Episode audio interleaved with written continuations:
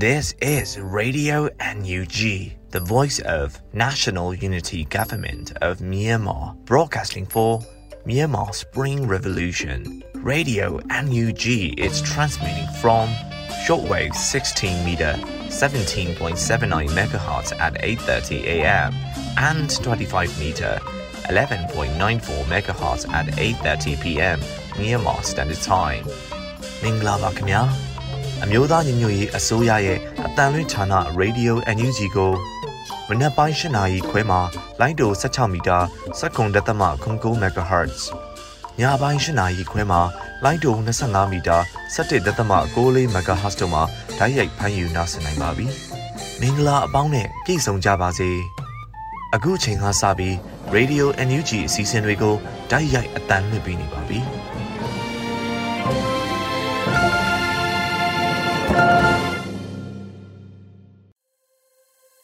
မင်္ဂလာနံနက်ခင်းပါရှင်ရေဒီယို NUG ကိုနားဆင်နေကြတဲ့မိဘပြည်သူများနဲ့မြန်မာနိုင်ငံသူနိုင်ငံသားအပေါင်းတဘာဝဘေးဆရာနာရှင်ဘေးတို့ကနေကင်းဝေးပြီးကိုစိတ်နှပါဘေးကင်းလုံခြုံကြပါစေလို့ရေဒီယို NUG အဖွဲ့သားများကဆုတောင်းမေတ္တာပို့သအပ်ပါတယ်ရေဒီယို NUG ရဲ့ဖေဖော်ဝါရီလ15ရက်နေ့မနက်ခင်းအစီအစဉ်တွေကိုတင်ဆက်ပေးတော့မှာဖြစ်ပါတယ်ပထမအဆုံးအနေနဲ့နောက်ဆုံးရသတင်းများကိုအေရီမှဖတ်ကြားတင်ပြပေးတော့မှာဖြစ်ပါတယ်ရှင်။မင်္ဂလာမနက်ခင်းပါရှင် 2023ခုနှစ်ဖေဖော်ဝါရီလ15ရက်နေ့ Radio NUG မနက်ခင်းပြည်တွင်သတင်းတွေကိုတင်ပြပေးတော့မှာဖြစ်ပါတယ်ကျွန်မကတော့ Airy ပါရှင်ပထမအဦးဆုံးအနေနဲ့ပြည်သူ့ကာကွယ်ရေးအဖွဲ့တွေကိုအမျိုးသားညီညွတ်ရေးအစိုးရရဲ့ Chain of Command နဲ့မှာအခုထပ်ပုံမှုကြစ်ကြစ်လေးလေးစူးစီးနိုင်အောင်ယာယီသမရတိုက်တွန်းလိုက်တဲ့သတင်းကိုတင်ပြပေးပါမယ်ဖေဖော်ဝါရီလ14ရက်နေ့ကကျင်းပပြုလုပ်ခဲ့တဲ့အမျိုးသားညီညွတ်ရေးအစိုးရ6ကြိမ်မြောက်အစိုးရအဖွဲ့အစည်းအဝေးမှာယာယီသမရဒူဝါလက်ရှိလာကအခုလိုပြောကြားခဲ့ပါတယ်။ ပြည်သူ့ကာကွယ်ရေးအဖွဲ့တွေကိုအမျိုးသားညီညွတ်ရေးအစိုးရရဲ့ Chain of Command နဲ့မှာအခုထပ်ပုံမကြစ်ကြစ်လေးလေးစူးစီးနိုင်အောင်အစဉ်တစိုက်စ조사နေဖို့လည်းအထူးလိုအပ်ပါတယ်။ခုခံတော်လှန်စစ်မှာအမိတ်ပေးကိုကဲမှုစီစနစ်ကြနာရေးဟာအမတန်အရေးကြီးပါတယ်။ဒါကြောင့်နိုင်ငံရေးနည်းအရာခေါင်းဆောင်မှုပေးရမှာတော့၎င်းစစ်ရေးအရာစီမံကုတ်ကဲရမှာတော့၎င်း NUG အစိုးရအဖွဲ့ဝင်တွေအားလုံးဂရုတစိုက်လှုပ်ဆောင်ကြရပါလိမ့်မယ် အဲ့ဒါလိုလှုပ်ဆောင်ရမှာမိမိတို့ရဲ့ခေါင်းဆောင်မှုအရှိအသွေးနဲ့မိမိတို့ရဲ့နိုင်ငံရေးအမျှော်မြင်ကိုလည်းပုံမအားကောင်းအောင်တည်ဆောက်နေရမှာဖြစ်ပါတယ်လို့ဆိုပါတယ်။လက်ရှိမှာပြည်သူ့ကာကွယ်ရေးတပ်ရင်တပ်ဖွဲ့ပေါင်း303ရင်မြို့နယ်ပကဖအဖွဲ့ပေါင်း260ခန့်ရှိနေပြီဖြစ်ပါတယ်ရှင်။အစိုးရအနေနဲ့ထိရောက်အားကောင်းတဲ့အုပ်ချုပ်ရေးကဏ္ဍပုံမှုဖော်ဆောင်နိုင်ဖို့လိုတယ်လို့ပြည်ထောင်စုဝန်ကြီးချုပ်ပြောကြားတဲ့သတင်းကိုဆက်လက်တင်ပြပေးပါမယ်။ ဖေဖော်ဝါရီလ14ရက်နေ့ကကျင်းပတဲ့မြို့သားညီညွတ်ရေးအစိုးရရဲ့အစိုးရအဖွဲ့အစည်းအဝေးမှာပဲပြည်ထောင်စုဝန်ကြီးချုပ်မန်းဝင်းခိုင်တန်းကအခုလိုပြောဆိုခဲ့ပါတယ်။ကျွန်တော်တို့အစိုးရအနေနဲ့အားစိုက်ပြီးပုံမှုပြီးပြင်းအောင်ဖော်ဆောင်မှုအရေးတကြီးလိုအပ်နေတာကတော့ထိရောက်အားကောင်းတဲ့အုပ်ချုပ်ရေးကဏ္ဍဖော်ဆောင်နိုင်ဖို့ပဲဖြစ်ပါတယ်။ထိရောက်အားကောင်းတဲ့အုပ်ချုပ်ရေးကဏ္ဍဟာစီရေးကိုလည်းထိထိရောက်ရောက်စိုးမိုးအားကောင်းလာစေပြီးတိုင်းရင်းသားတွေနဲ့ညှိနှိုင်းဆောင်ရွက်ရမှာလေပုံမှုကောင်းမွန်တဲ့အဖြစ်တစ်ခုဖြစ်လာနိုင်ပါတယ်။ ဒါအပြင်နိုင်ငံတကာစာမျက်နှာတွေမှာပုံမအားကောင်းတဲ့ထောက်ခံမှုတွေအတွက်လည်းအထောက်ပံ့ဖြစ်လာမှာမို့အုပ်ချုပ်ရေးကဏ္ဍအားကောင်းစေရေးနဲ့လိုအပ်တဲ့ပြည်ပြင်ပြောင်းလဲမှုတွေလုပ်နိုင်ဖို့ကလည်းတော်လှန်ရေးရဲ့အရှိပါတဲ့ထောက်တိုင်တစ်ခုဖြစ်နေပါတယ်လို့ဝန်ကြီးချုပ်ကဆိုပါတယ်။ဒါအပြင်ဝန်ကြီးဌာနအသီးသီးအလိုက်ကြိုးပမ်းဆောင်ရွက်မှုတွေကော်မတီတွေရဲ့အားထုတ်နေမှုတွေအားလုံးအတွက်စွတ်စွစီစီနဲ့အနာသက်ဆုံးချက်ရှိဖို့လိုအပ်တယ်လို့လည်းဝန်ကြီးချုပ်ကထပ်လောင်းပြောကြားခဲ့ပါသေးတယ်ရှင်။အခုဆက်လက်ပြီးနိုင်ငံတကာ Republican Institute IRI ရဲ့ တာဝန်ရှိသူတွေနဲ့ပြည်ထောင်စုလွှတ်တော်ကိုစားပြုကော်မတီဥက္ကဋ္ဌတို့တွေ့ဆုံဆွေးနွေးခဲ့ကြတဲ့သတင်းကိုတင်ပြပေးပါမယ်။ဖေဖော်ဝါရီလ14ရက်နေ့မှာပြည်ထောင်စုလွှတ်တော်ကိုစားပြုကော်မတီကအခုလိုအသိပေးဖော်ပြပါရယ်။ပြည်ထောင်စုလွှတ်တော်ကိုစားပြုကော်မတီဥက္ကဋ္ဌဦးအောင်ကြည်ညွန့်သည် Chin Association of Maryland ၏အမှုဆောင်ဒါရိုက်တာ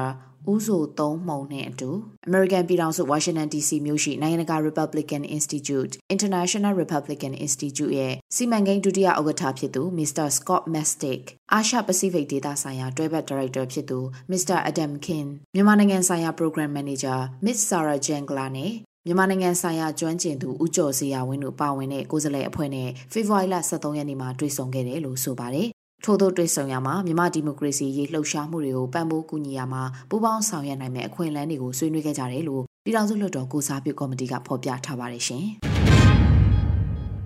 ရေစကြိုမြို့နယ်အားထကတဲ့ကျောင်းရှိမှာရှိတဲ့စစ်ကောင်စီတပ်တွေမိုင်းမိပြီး၄ဦးထိခိုက်ဒဏ်ရာရရှိခဲ့ကြတဲ့တဲ့တင်ကိုတင်ပြပေးပါမယ်။အဆိုပါစီရေးတဲ့တင်ကိုဖေဖော်ဝါရီလ14ရက်နေ့မှာရေစကြိုပကဖကအတီးပြုပြောဆိုပါရယ် ဖေဖော်ဝါရီလ14ရက်ရေစကြိုမြို့နယ်အထက်ကတစ်ကျောင်းရှိတွင်ရှိသောကျောင်းဆောင်စစ်ကောင်စီတပ်များအားယနေ့မနက်8:30မိနစ်အချိန်တွင်ပြည်သူ့ကာကွယ်ရေးတပ်ဖွဲ့ရေစကြိုမြို့နယ်ပကဖရဲဘော်များမှမိုင်းတလုံးဆွဲတိုက်ခိုက်ခဲ့ပါတယ်လို့ဆိုပါတယ်။ထို့ဖြစ်စဉ်ကြောင့်စစ်ကောင်စီတပ်က၄ဦးအပြင်းထန်ဒဏ်ရာရရှိသွားကြောင်းကနဦးသိရှိရပြီးတေဆုံးမှုအခြေအနေကိုတော့ဆက်လက်စုံစမ်းလျက်ရှိနေပါတယ်။ကာကွယ်ရေးတပ်ဖွဲ့ကရဲဘော်တွေအထီးခိုက်မရှိပြန်လည်ဆုတ်ခွာနိုင်ခဲ့တယ်လို့ပြည်သူ့ကာကွယ်ရေးတပ်ဖွဲ့ရေစကြိုမြို့နယ်ပကဖကဖော်ပြထားပါတယ်ရှင်။ အခုဆက်လက်ပြီးတနင်္သာရီမြို့နယ်ရေဖြူရွာနဲ့ထုံခါရွာကြားစစ်ကောင်စီတပ်ရဲ့ရင်နံတိုက်ခိုက်ခံရတဲ့သတင်းကိုတင်ပြပေးပါမယ်။ဖေဖော်ဝါရီလ23ရက်နေ့မှာတနင်္သာရီမြို့နယ်ရေဖြူရွာနဲ့ထုံကားရွာကြားမောတောင်နဲ့ကောတောင်လမ်းစုံနာမှာစစ်ကောင်စီရဲ့ရင်နှန်းကိုတိုက်ခိုက်ခဲ့တယ်လို့ KDLA TCGF တနင်္သာရီစစ်ကြောင်းကဖော်ပြပါဗျ။တိုက်ခိုက်မှုမှာရန်သူလမ်းကြောင်းဖြစ်တဲ့ကျိန်ချောင်းကျေးရွာကနေတနင်္သာရီဘက်ကိုဦးတည်လာတဲ့စစ်ကောင်စီတပ်40ကျော်ပါရင်နှန်း5စီးကိုတိုက်ခိုက်ခဲ့တာလို့ဆိုပါတယ်။ရန်သူဘက်ကထိခိုက်ကြဆုံးမှုများပြားနိုင်တယ်လို့သတင်းရရှိပါတယ်ရှင်။ ကော်တူးလေအုပ်ချုပ်နယ်မြေတမဟာ9နဲ့တမဟာ6နယ်မြေတွေအတွင်းအကြမ်းဖက်စစ်တပ်ကလေကြောင်းတိုက်ခိုက်မှု58ကြိမ်ရှိခဲ့ပြီးဘုံအလုံးရေ208လုံးထပ်မံကျဲချခဲ့တဲ့တဲ့တင်ကိုလည်းတင်ပြပေးပါမယ်။အဆိုပါစီးရဲတဲ့တင်ကိုဖေဖော်ဝါရီလ14ရက်နေ့မှာ KNU ဗဟိုကအသိပေးထုတ်ပြန်ပါတယ်။ KNU ကရင်အမျိုးသားအစည်းအရုံးကော်တူးလေအုပ်ချုပ်နယ်မြေမူတရော့ခရိုင်တပ်မဟာ9နဲ့ဒူးပလာယာခရိုင်တပ်မဟာ6နယ်မြေတွေအတွင်းအာနာသိန်းအကြမ်းဖက်စစ်ကောင်စီတပ်တွေကတိုက်ခိုက်ရေးသုံးလေရင်တွေရဟတ်ရင်တွေကိုအုံပြုပြီးပြည်သူလူထုတွေနေထိုင်တဲ့ကျေးရွာတွေအတွင်းနဲ့လောက်ကင်စားတောက်တဲ့လုပ်ငန်းခွင်တွေအတွင်းကိုလေကြောင်းတိုက်ခိုက်မှုပေါင်း58ကြိမ်ခန့်တိုက်ခိုက်ခဲ့ပြီးဘုံအလုံးရေ208လုံးထပ်မင်းကျဲချခဲ့တယ်လို့ဖော်ပြပါတယ်။ဒါအပြင်အော်လီဂန်နေနဲ့လည်း အချက်ရည်3000ထပ်မင်းပြစ်ခတ်တိုက်ခိုက်ခဲ့ပြီးအဆိုပါလေကြောင်းတိုက်ခိုက်မှုတွေကြောင့်အပြစ်မဲ့အရက်သားပြည်သူ73ဦးခန့်သေဆုံးခဲ့ရတယ်လို့သိရှိရပါတယ်။လေကြောင်းတိုက်ခိုက်မှုကြောင့်ပြည်သူလူထုတွေပိုင်ဆိုင်တဲ့နေအိမ်33လုံးမိလောင်ပြာကျခဲ့ရပြီး24လုံးကတော့ထိခိုက်ပျက်စီးခဲ့ရပါတယ်။ငွေသားအဖြစ်ကာလတန်မိုးဘတ်10တန်းပိုးခန့်ထိခိုက်ပျက်စီးဆုံးရှုံးခဲ့ရတယ်လို့လည်းသိရှိရပါတယ်ရှင်။နောက်ဆုံးသတင်းအနေနဲ့ရေးမြို့နယ်ခမာရ98ခွန်တရင်ဘုံပစ်လောင်ချာနဲ့ပြစ်ခတ်ခံရပြီးကင်းစခန်းထိမှန်ခဲ့တဲ့သတင်းကိုတင်ပြပေးပါမယ်။ ဖေဖော်ဝါရီလ14ရက်နေ့မနက်6နာရီခွဲအချိန်မှာမွန်ပြည်နယ်ရေးမြို့ခမရ98ခွန်တရင်ဘုံပစ်လောင်ချာနဲ့ပြစ်ခတ်ခံရပြီးကင်းစခန်းထိမှန်ခဲ့တယ်လို့မွန်ပြည်နယ်အခြေပြုဒေါ်လာရေးအဖွဲ့အစည်း MSRO ကအတည်ပြုပြောဆိုပါတယ်။ထိခိုက်သေဆုံးမှုကိုစီစဉ်နေပြီး MSRO တပ်ဖွဲ့ကအထိခိုက်မရှိပြန်လည်ဆုတ်ခွာနိုင်ခဲ့တယ်လို့သတင်းရရှိပါတယ်ရှင်။အခုတင်ပြပေးခဲ့တဲ့သတင်းတွေကိုတော့ Radio NUG သတင်းတောက်မင်းမင်းကပေးပို့ထားတာဖြစ်ပါတယ်ရှင်။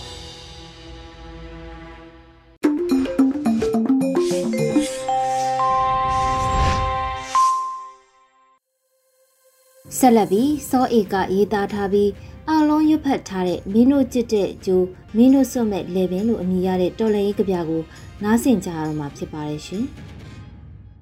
မင်းတို့ကြစ်တဲ့ဂျိုးမင်းတို့စွတ်မဲ့လေပင်ဖေဖော်ဝါရီ၁ရက်နေ့နေပြည်တော်ပန်းဝိုင်းမှာအားကစားလုပ်နေတဲ့အမျိုးသမီးတယောက်ရဲ့ဗီဒီယိုတစ်ခုကစလို့တနိုင်ငံလုံးကို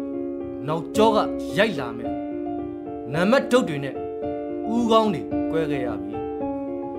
သွေးမေးဖို့လိုတယ်ပေးထားတဲ့အသက်တွေက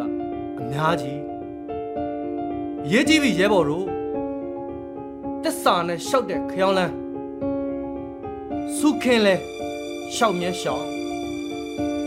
လက်မယွန့်အသက်ပေးသွားတဲ့ညီကိုတွေအတွက်ငါတို့သေတဲ့အထိရတဲ့နည်းနဲ့တော်လန်မယ် ခွက်စိတ်ဓာတ်ကင်တဲ့လက်ကဓမြောင်ကင်ပြီးတော်လန်တော့ရောဘာဖြစ်လဲ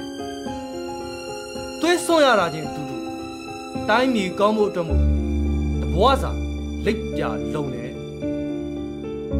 မြေပြူကင်တဲ့လက်ကတူမီကင်တော့ရောဘာဖြစ်လဲသူစာတင်တဲ့အကြောင်းကိုလေရင်နဲ့ဘုံကျဲတော့သူ့ចောင်းသားတွေအစားသူတော်လန်မှာပဲထုံလုံးကိုခေါင်းနဲ့လေသမားက ရိုင်းဖဲကင်တော့ရောဘာဖြစ်လဲမြန်မာနိုင်ငံကြီးကိုတော်လိုင်းရင်စိတ်တက်နဲ့ထုံရက်နေတာငါတို့ကဝိုင်းကူပေးရမှာမဟုတ်ဘူးလားကပ်ဆောင်းတဲ့တူနာပြူလေးကတောကြုံကြမှာ PDF အုတ်ထုတ်ဆောင်းတော့ရောဘာဖြစ်လဲမေတ္တာနဲ့တော်လန်လို့မရတဲ့ပွဲမှာတနက်လွယ်ရင်စစ်ကူနေရတာငါတို့လေးစားရမယ်ကင်မရာကင်တဲ့ဒရိုက်တာက ရောင်းမကင်တော့ရောဘာဖြစ်လဲ PDF ရဲဘော်တွေစားဖို့တောထဲမှာသမင်းချက်တော်လန်နေတာ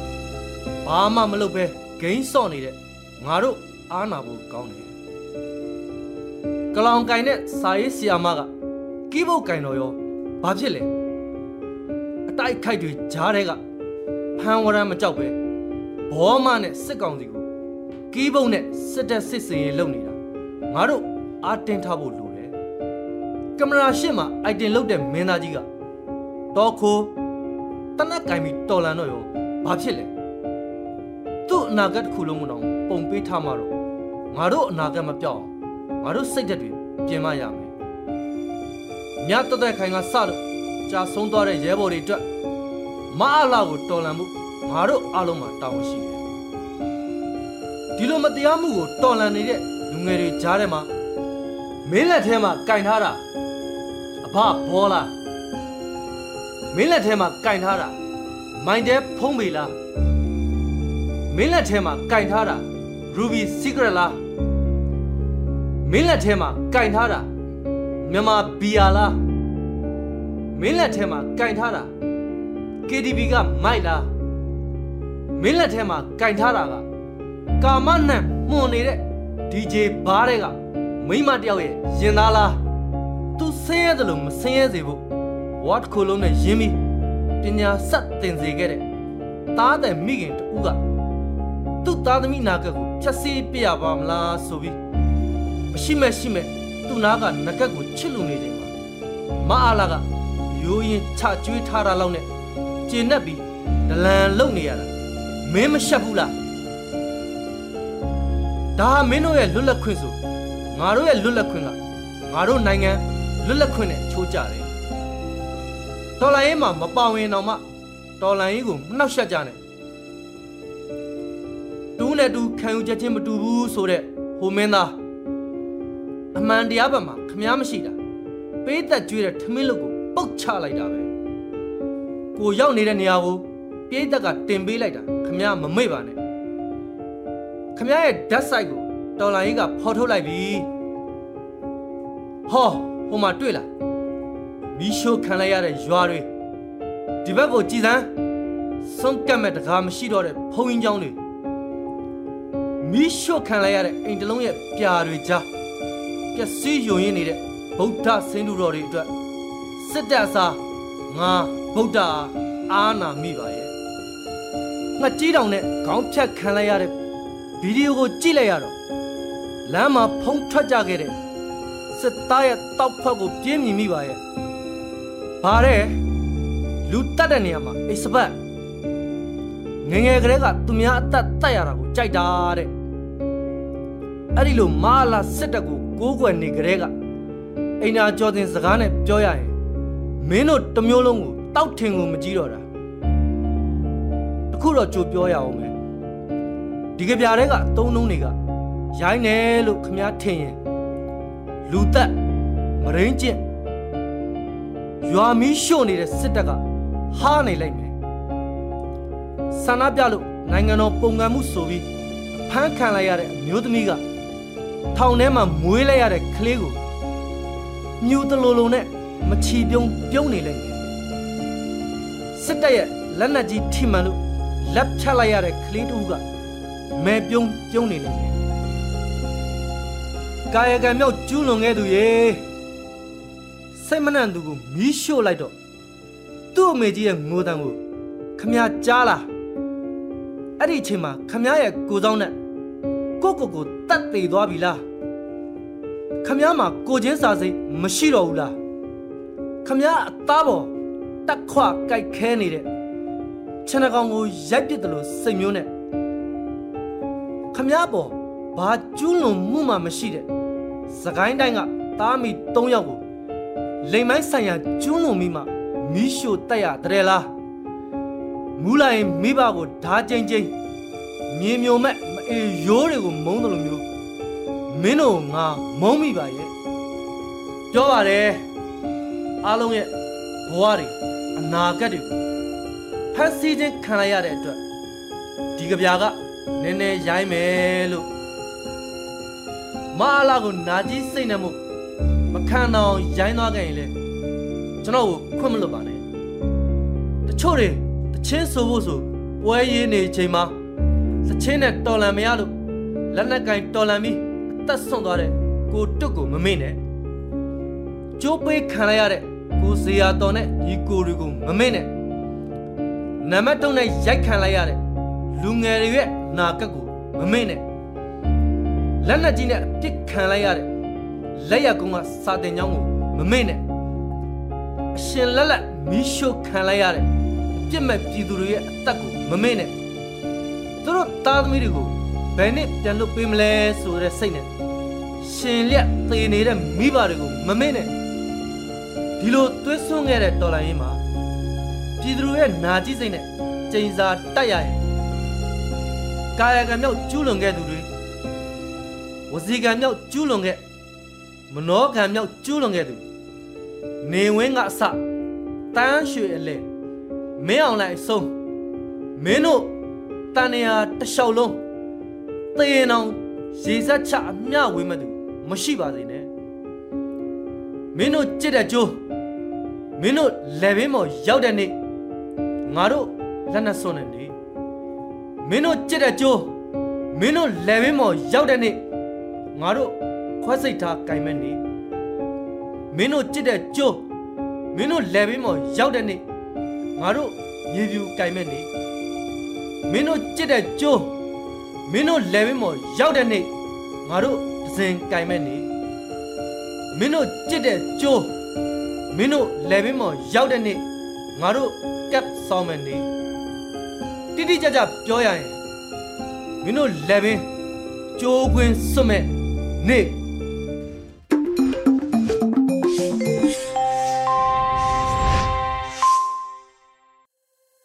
ရေဒီယိုအန်ယူဂျီမှဆက်လက်အသံလွှင့်ပေးနေပါတယ်အခုတစ်ခါမှာတော့ပြည်သူခုခံစစ်တရင်များကိုအောင်လွေဦးမှဖတ်ကြားတင်ပြပေးမှာဖြစ်ပါတယ်ရှင်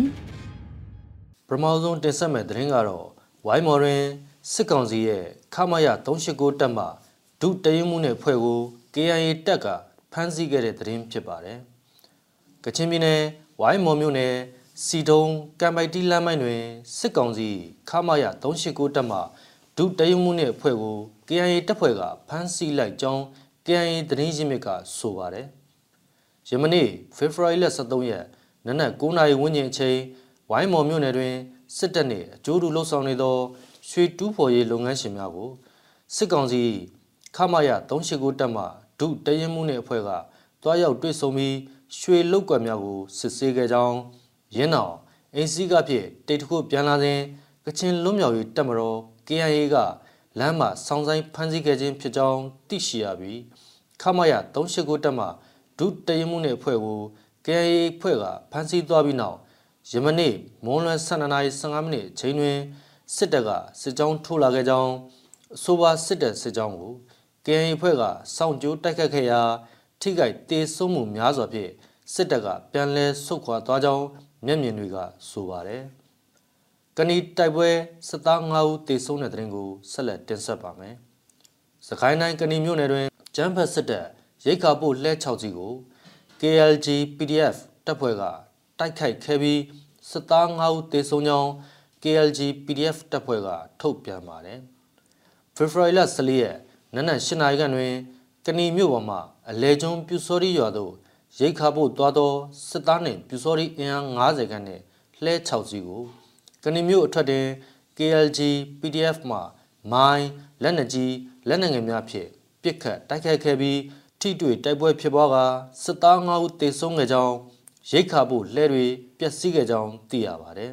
။ဆက်လက်ပြီးရေစကြုံမြို့ဖောင်တော်ဦးရက်ွက်ရှိ စစ်တပ်စခန်းဝင်ရောက်တိုက်ခိုက်ခံရတဲ့တဲ့ရင်ကိုတင်ဆက်ပါမယ်။မကွေးတိုင်းရေစကြုံမြို့အမှတ်လေးဖောင်တော်ဦးရက်ွက်ရှိအကြမ်းဖက်စစ်သားများတပ်ဆွဲရရာငိမ့်စာနေစခန်းကိုဝင်ရောက်တိုက်ခိုက်ခဲ့ရာအကြမ်းဖက်စစ်သား15ဦးထက်မနည်းတေဆုံးပြီးအများပြားထိခိုက်ဒဏ်ရာရရှိခဲ့ကြောင်းမြင်းညံ Black Tiger LBD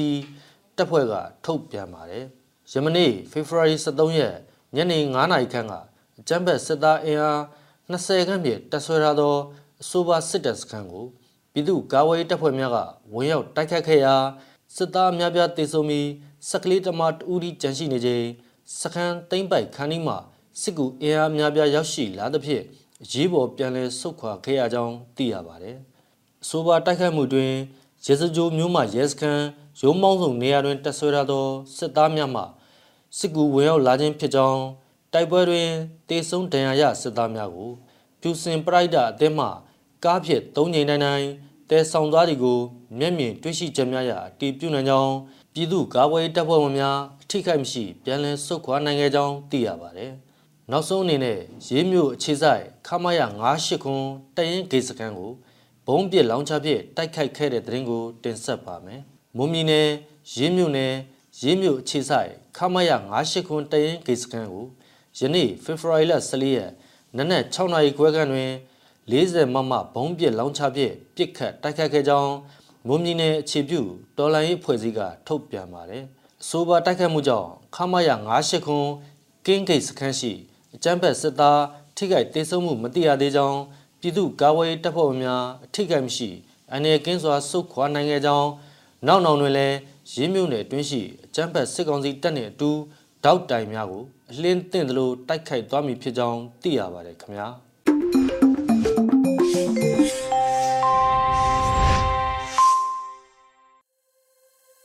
Radio Energy ရဲ့တော်လန်ရေးတိဂီတာအစီအစဉ်မှာတော့တေးရီကိုကူရေးသားပြီးတေးဆိုရဘကာဖနိုင်းတီဆိုထားတဲ့ယုံကြည်ရခီလို့အမည်ရတဲ့တေးသချင်းကိုနားဆင်ကြရတော့မှာဖြစ်ပါတယ်ရှင်။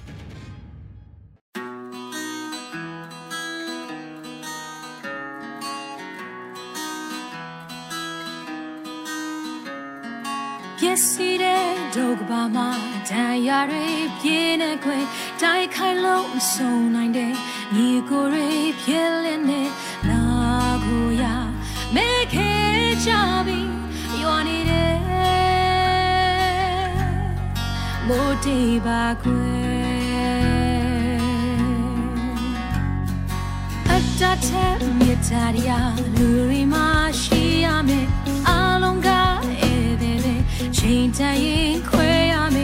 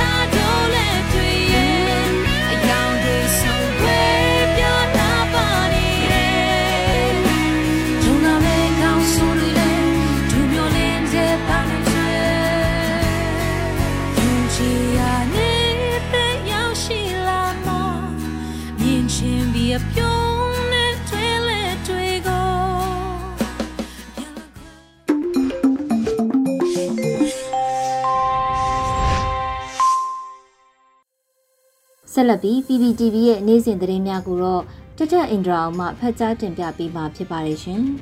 ။အခုချိန်ကစပြီး PVTV သတင်းတွေကိုတင်ဆက်ပြီးတော့မှာပါကျွန်မထထက်အီရာအောင်ပါ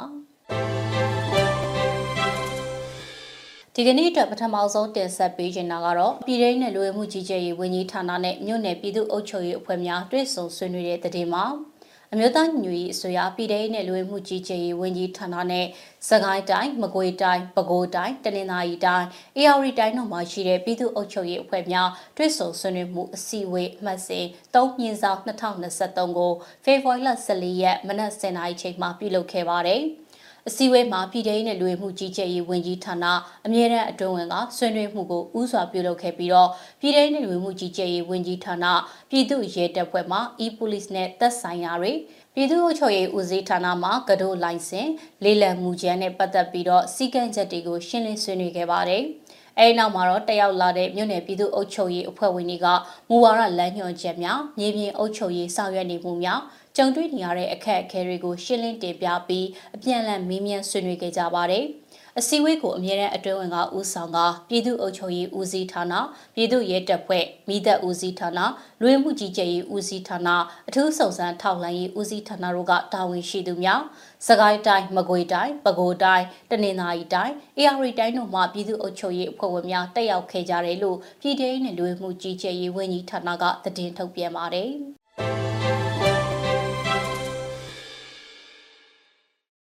နောက်ထပ်တင်ဆက်ပေးမှာကတော့အချမ်းဘတ်စစ်တပ်ကလက်နက်ကြီးနဲ့ရွာရဲကိုပစ်လို့တန်ကားတော်နှစ်ပါးနဲ့တာမဏီတစ်ပါးတရားရရှိတယ်လို့ KNU ဗဟိုကထုတ်ပြန်လိုက်တဲ့သတင်းမှာ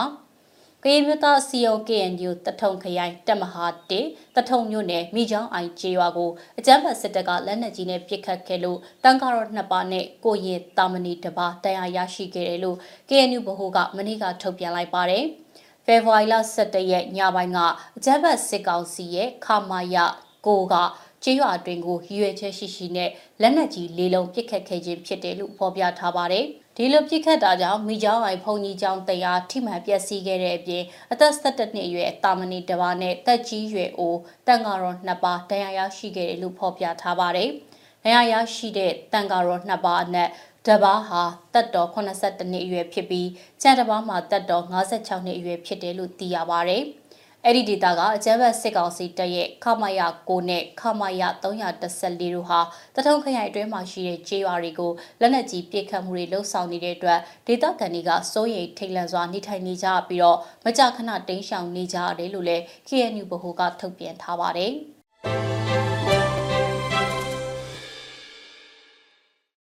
အခုနောက်ဆုံးအနေနဲ့မြန်မာနိုင်ငံတဝန်းကလူမျိုးပေါင်းစုံဘာသာပေါင်းစုံပါဝင်တဲ့ဆရာနာရှင်အမြင့်ပြည့်ချီမုံရေးလူထုဆန္ဒပြပွဲသတင်းတွေကိုစူးစီးတင်ဆက်ပေးမှာပါ။ရေမပင်မြို့နယ်ရဲ့နောက်ပြန်မလှည့်ကြီးဒီတော်လိုက်ရေးတပိတ်စစ်ကြောင်းကအကြမ်းဖက်စစ်တပ်ကြာရှိုးရေးဆန္ဒပြတပိတ်ကိုဒီကနေ့မှပြုလုပ်ခဲ့ပါတယ်။တော်လန်ပြည်သူတွေကနောက်ပြန်မလှည့်ကြီးဒီတော်လိုက်ရေးတပိတ်စစ်ကြောင်းလူမဆန့်ရုံမာမှုကိုလူမှန်လျင်စန့်ကျင်ကြဆိုတဲ့စသားတွေကိုကိုင်ဆောင်ပြီးတော့ အကြမ်းဖက်စစ်တပ်ကြရှုံရေးဟစ်ကြွေးမှုတွေနဲ့ပြုလုပ်ခဲ့တာပါ။ရင်းမပင်စလင်ကြီးရွာပေါင်းစုံတပိတ်ကတော့ရပ်ပေါင်း906ရက်ပြည့်ဖြစ်နဲ့အကြမ်းဖက်စစ်တပ်ကြရှုံရေးဆန္ဒပြတပိတ်ကိုပြုလုပ်ခဲ့ပါတယ်။တော်လန်ပြည်သူတွေကလူလူတိုက်ပွဲအရှိန်မြင့်ညာဘုံရန်သူကိုချေမုံကြအဆရှိတဲ့စသားတွေကိုင်ဆောင်ပြီးတော့ချီတက်ဆန္ဒပြခဲ့တာပါ။စကိုင်းတိုင်းလက်ဗရောက်တောင်ဒေသခံပြည်သူတွေကအကြမ်းဖက်စစ်တပ်ကြရှုံရေးဆန္ဒပြတပိတ်ကိုဒီကနေ့မှပြုလုပ်ခဲ့ပါတယ်။ တော်လန်ပြည်သူတွေကစစ်တပ်ဟာနိုင်ငံရေးအစီအကံပဲဖြစ်စီရမယ်ဆိုတဲ့စကားကိုကင်ဆွဲပြီးတော့ဆန္ဒပြချီတက်ခဲ့တာပါရင်းမပင်မြို့နယ်ရွှေဥက္ကန်တပိတ်စစ်ကြောင်းကဒီကနေ့မှာအကြမ်းဖက်စစ်တပ်ကြာရှုံးရေးချစ်တက်ဆန္ဒပြပွဲပြုလုပ်ခဲ့ပါတယ်။တော်လန်ပြည်သူတွေကအဓမ္မကိုအမြင့်ဖြတ်တော်လှန်လမ်းမပေါ်ကရွှေဥက္ကန်လူလူတပိတ်စစ်ကြောင်းအောင်ဆန်းစိတ်တဲ့ကိုင်ဆွဲတိုက်ပွဲဝင်ကြဆိုတဲ့စသားတွေကိုကိုင်ဆွဲပြီးတော့အကြမ်းဖက်စစ်တပ်ကြာရှုံးရေးချစ်တက်လှည့်လည်ခဲ့ပါတယ်။ ရင်းမပင်မြို့နယ်ရွှေနွယ်သွေးတပိတ်စစ်ကြောင်းကတော့638ရက်မြောက်အဖြစ်ဆန္ဒပြတပိတ်ပြုလုပ်ခဲ့ပါတယ်။တော်လန်ပြည်သူတွေကသွေးမအေးတဲ့ရွှေနွယ်သွေးဆိုတဲ့စကားအပြင်စစ်တပ်ဟာနိုင်ငံရဲ့အစီအကံပဲဖြစ်ရမယ်။နိုင်ငံဟာစစ်တပ်ရဲ့အစီအကံမဖြစ်ရဘူးဆိုတဲ့စကားကိုကင်ဆောင်ပြီးတော့ချီတက်ခဲ့ကြပါတယ်။ဒီကနေ့ကတော့ဒီညနေပဲ Radio NUG ရဲ့အစည်းအဝေးတွေကိုခਿੱတရရနိုင်ပါမယ်။မြန်မာစံတော်ချိန်မနက်၈နာရီခွဲနဲ့ည၈နာရီခွဲအချိန်တွေမှာပြန်လည်ဆုံးဖြတ်ကြပါစို့ Radio NUG ကိုမနက်ပိုင်း၈နာရီခွဲမှာလိုင်းဒို16မီတာစက္ကန့်တသမ9 MHz ညပိုင်း၈နာရီခွဲမှာလိုင်းဒို25မီတာ17သမ6 MHz တို့မှာဓာတ်ရိုက်ဖမ်းယူနားဆင်နိုင်ပါပြီမြန်မာနိုင်ငံသူနိုင်ငံသားများကိုယ်စိတ်နှပြကျန်းမာချမ်းသာလို့ဘေးကင်းလုံခြုံကြပါစေလို့ Radio NUG အဖွဲ့သူအဖွဲ့သားများကဆုတောင်းလိုက်ရပါတယ်။အမျိုးသားညီညွတ်ရေးအစိုးရရဲ့စက်သွေးရေးတရင်အချက်အလက်နဲ့ ဤပညာဝန်ကြီးဌာနကထုတ်လွှင့်နေတဲ့ Radio NUG ဖြစ်ပါတယ်။ San Francisco Bay Area အခြေစိုက်မြန်မာမိသားစုများနဲ့နိုင်ငံတကာကစေတနာရှင်များလှုပ်အားပေးများရဲ့ Radio NUG ဖြစ်ပါတယ်။အရေးတော်ပုံအောင်ရမည်